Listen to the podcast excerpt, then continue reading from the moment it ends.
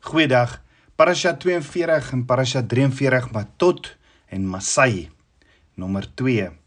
Die week se gedeelte begin met Numeri 30 vers 1 tot 2 wat lees en Moses het met die stamhoofde van die kinders van Israel gespreek en gesê: Dit is die saak wat Jahweh beveel het. As iemand aan Jahweh 'n gelofte doen of 'n eed sweer waardeur hy homself verbind om hom van iets te onthou, moet hy sy woord nie breek nie. Hy moet handel volgens alles wat uit sy mond uitgaan. Ja, hoeveel keer maak ons beloftes? Ons gaan nie dit doen nie, ons gaan nie dit doen nie en dan kom ons dit nie na nie. En dit is baie baie duidelik in die woord dat Abba Vader dit baie ernstig opneem as ek en jy 'n gelofte, in Engels 'n vow of 'n eed, 'n oath aflê. Dit is baie belangrik vir Abba Vader en vir ons medemens om dit wat ek en jy beloof na te kom. Hoekom? Want dink, hoe sal jy voel as jy soos Jakob was? Laban beloof vir Jakob sal harde werk die vrou op wie hy verlief is, Rachel. Hy werk en wag vir haar en toe die tyd aanbreek, kry hy nie dit wat aan hom beloof is nie. Hy kry vir Leah in plaas van Rachel. Maar ons moet weet jy kry twee tipe beloftes, naamlik 'n gelofte en 'n eed. Wat is die verskil? Die Hebreëse woord vir gelofte is neder en 'n eed in Hebreëus is shabou, shaboa, shaboa. Gelofte en eed is baie verbind, maar het ook belangrike verskille. As ons eers kyk na 'n gelofte, staan daar in hierdie week se parashaf gedeelte soos wat ons nou net gelees het in Numeri 30 vers 2, as iemand aan Jahwe 'n gelofte doen of 'n eed sweer, om homself op een of ander manier te bind. Nou as 'n mens 'n geestelike gelofte nedermaak, kan jy slegs 'n neder vir Abba Vader maak. 'n Gelofte neder is byna altyd voorwaardelik. Met ander woorde, 'n spesifieke aksie is nodig om tot stand te kom sodat die gelofte, die neder bindend bly of is. 'n Voorbeeld hiervan lees ons in Genesis 28 vers 20 tot 22 en Jakob het 'n gelofte gedoen en gesê: As Jahweh met my sal wees om my te bewaar op hierdie weg wat ek gaan en aan my brood sal gee om te eet en klere om te trek en ek behoue na die huis van my vader sal terugkom, dan sal ek Jahweh my God, dan sal hy my God wees. En hierdie klip wat ek as gedenksteen opgerig het, sal ek 'n huis van God wees en van alles wat U my gee, sal ek aan U sekerlik die tiendes afstaan. Nou in hierdie gedeelte maak Jakob 'n gelofte dat as Abba Vader vir hom sorg, en hom veilig terugbring, sal hy hom dien. Selfs met sy tiendes, nê. Nee. Is dit nie ook hierdie twee dinge voorsiening en beskerming wat Abba Vader vir die kinders van Israel beloof het op hulle geloofstap uit Egipte nie? Dan ook as ons na die volgende gedeelte kyk in 1 Samuel 1 vers 11 vers 1 tot 11 kyk staan daar daar was 'n sekere man uit Ramataia 'n Semit uit die gebergte van Efraim en sy naam was Elkana. En hy het twee vroue gehad. Die naam van die een was Hanna en die naam van die tweede was Penina. En Penina het twee het, het kinders gehad, maar Hanna het geen kinders gehad nie. En die man het van jaar tot jaar opgegaan uit sy stad om te aanbid om aan Jahweh van die leerskare te offer in Shiloh, waar die twee seuns van Eli, Hofni en Pinjas, priesters van Jahweh was. En op 'n dag het Elkana geoffer en aan sy vrou Pina, Penina en aan al haar seuns en haar dogters dele van die offervleis gegee, maar aan Hanna het hy 'n dubbele deel gegee, want hy het Hanna liefgehad. Maar die Here het haar moederskoot toegesluit. amper in die geval met Jakob ook nê. En haar mede mededingster het haar ook bitterlik geterg om haar te vertroon omdat Jahweh haar moederskoot toegesluit het. So het hy gedoen van jaar tot jaar telkens as sy opgaan in die huis van Jahweh. So het sy haar geterg dat sy geween het, dat Hanna geween het en nie wou eet nie. En haar man Elkana sê vir Hanna: "Waarom ween jy en waarom eet jy nie en waarom is jou hart bedroef? Is ek nie beter as 10 seuns nie?" En toe staan Hanna op nadat hulle geëet het en nadat hulle gedrink het in Shiloh terwyl die priester Eli op die stoel sit by die deurpos van die tempel van Jahweh en sy het so intoe gegaan en bitter bedroef, het sy tot Jahwe gebid en bitterlik geween en sy die gelofte gedoen en gesê: Here van die leerskare, as u waarlik die ellende van u diensmaag aansien en aan my dink en u diensmaag nie vergeet nie, maar u diensmaag 'n manlike kind skenk, dan sal ek hom aan Jahwe gee al die dae van sy lewe en geen skeermes sal op sy hoof kom nie. So weer kan ons sien dat 'n dat 'n voorwaardelike belofte neder 'n gelofte gemaak word wat dit 'n ware gelofte maak. 'n Gelofte is nie 'n belofte om te doen wat die woord reeds sê om te doen nie. Nee, 'n gelofte is om iets vrywilliglik te doen. In Levitikus 7 vers 16 staan: "En as die offer wat hy bring 'n gelofte of vrywillige offer is, moet dit geëet word op die dag as hy sy offer bring."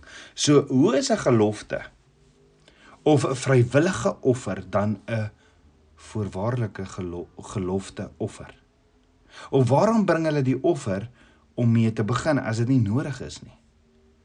Want daar word aan 'n sekere voorwaarde voldoen. Behalwe vir hul gereelde tiendes, het die persoon 10 teen 1 'n gelofte neder wat die Hebreëse naam aan Abba Vader gemaak dat as hulle hierdie jaar 'n rekord oes gehad het, hulle Abba Vader 'n ekstra offer sou bring om hulle dank te betuig.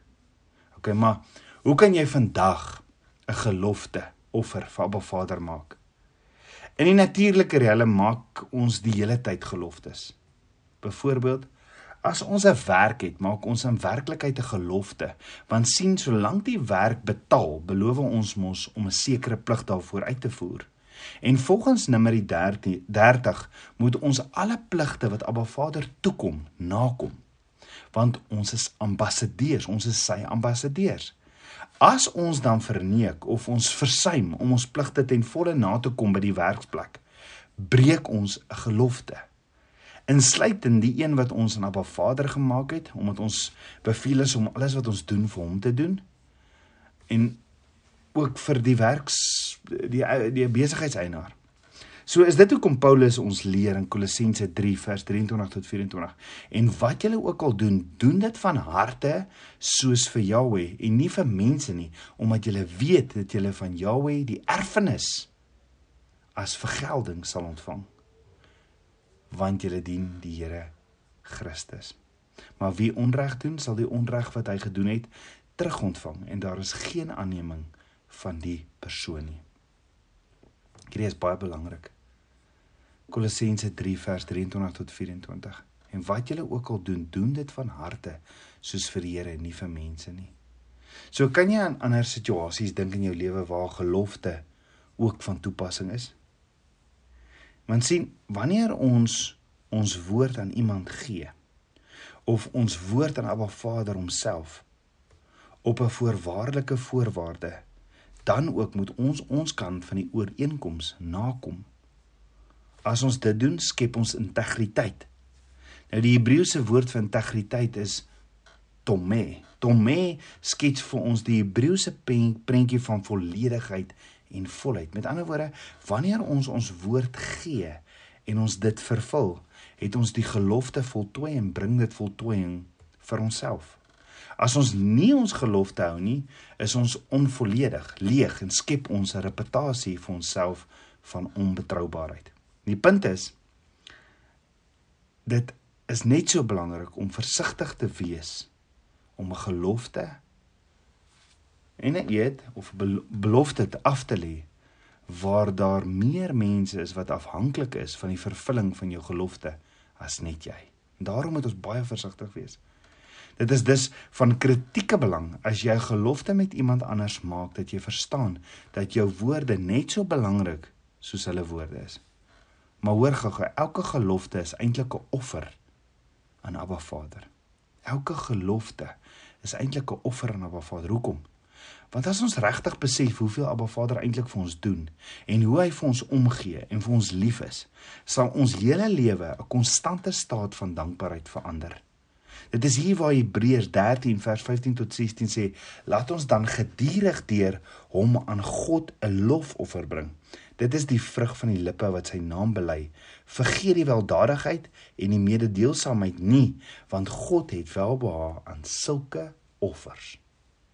En daar's niks wat jou lewe met meer vreugde sal vul as om 'n lewe te lewe van konstante danksegging nie. As jy Abba Vader bedank vir alles wat hy vir jou doen, as jy ten volle bewus is van alles waarmee jy geseën word en hoe hy jou beskerm en hoe jy op hom vertrou vir alles wat binnekort sal bestaan asof dit alreeds daar is sal jou blydskap en vreugde volkome wees en dis geloof nê nee waar maar dink daaroor, waar is angs of vrees of bekommernisse dan in jou lewe? Dit bestaan nie want alles in jou lewe is gevul met die onuitspreeklike. As jy hierdie dankbaarheid het jy het hierdie hierdie oorgaan, dan bestaan hierdie angs en vrees en bekommernis nie in jou lewe nie want jy weet Abba sal voorsien. Dit bestaan nou nie want alles in jou lewe is gevul met die onuitspreeklike vreugde van jou dankbaarheid vir alles wat Abba Vader doen en gaan doen in jou lewe.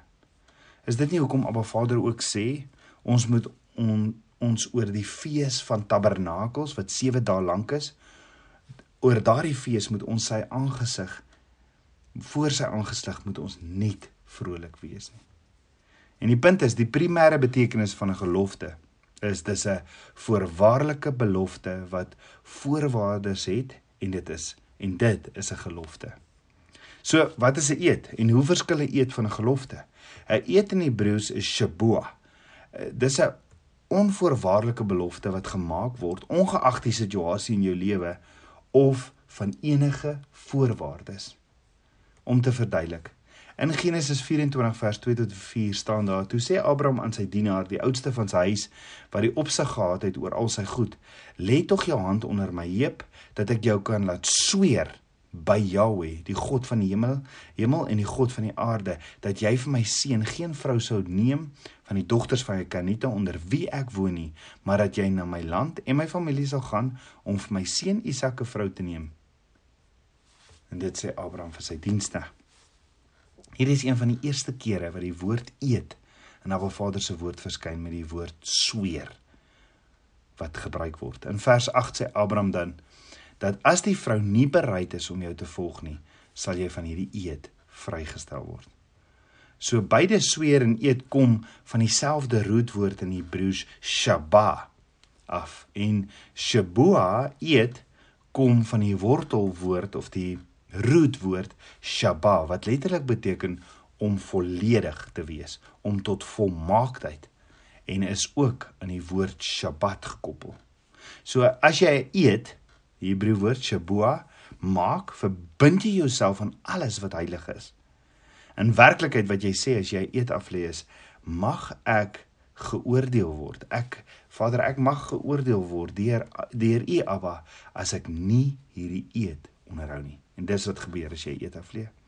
Jy sien daar sal baie minder mense wees wat trou as hulle regtig verstaan wat die beginsel van eet behels. Hoekom? Want is niks anders as 'n eed wat jy aflê as jy trou nie, want jy beloof voor jou egpaar en die gemeente en Abba Vader, jy sê voor Abba Vader en sy gemeente beloof ek liefde en trou vir altyd in alle omstandighede aan my bruid of my bruidegom. En wat jy eintlik sê is mag Vader mag ek geoordeel word deur U as ek nie hierdie eed onderhou aan U as ek nie hierdie eet want ek maak 'n belofte aan Abba Vader en aan my egpaar. En die punt is as 'n gelofte onvoorwaardelik word, word dit 'n eed.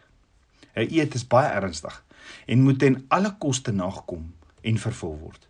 So as jy getroud is met iemand, het jy 'n eed afgelê by die huwelikseremonie. En dit is niks anders as 'n onvoorwaardelike eed nie, want daar's geen voorwaardes nie. Liefde moet gegee word ongeag die omstandighede. So in alle opsigte kan 'n eed nie gebreek word nie. Dit's 'n dis dit is 'n permanente gelofte. Die enigste manier waarop 'n eed verbreek kan word as is as daar baie spesifieke uitsonderings is wat binne die eed gelys word. Soos in die geval van Abraham wat sy dienare 'n eed laat sweer om 'n bruid vir Isak te vind. Of soos met die dood in 'n huwelik, want jy sê tot die dood ons skei.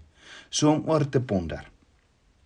Onthou, 'n eed word afgelê in 'n huwelik, nê? So is dit dalk die rede hoekom Yeshua, hoëpriester kon word as gevolg van 'n eed. Want onthou, Yeshua was uit die stam van Juda. En net Levi uit die stam van Levi kon priesters word. En net 'n priester kon hoëpriester word. Het dit enige iets met 'n eed te doen? En is dit hoekom Abba Vader so ernstig is oor 'n eed wat afgelê word? Kom ons bid saam. Abba Vader, skieper van my hart, Vader, ek loof en ek prys U.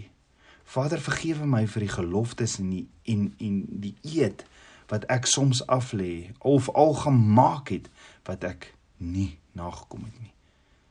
Ah Vader, kom raak my mond aan met 'n vuurkoel en sit 'n wag voor my mond. Help my asseblief Vader om nie iets te beloof wat ek nie kan nakom nie. Laat my ja ja wees en my nee nee. Hier is my hart Vader, kom leef in my. Meer en meer van U. Ek bid dit alles in Yeshua Messie se naam, die seun van Jahweh. Amen. Shalom.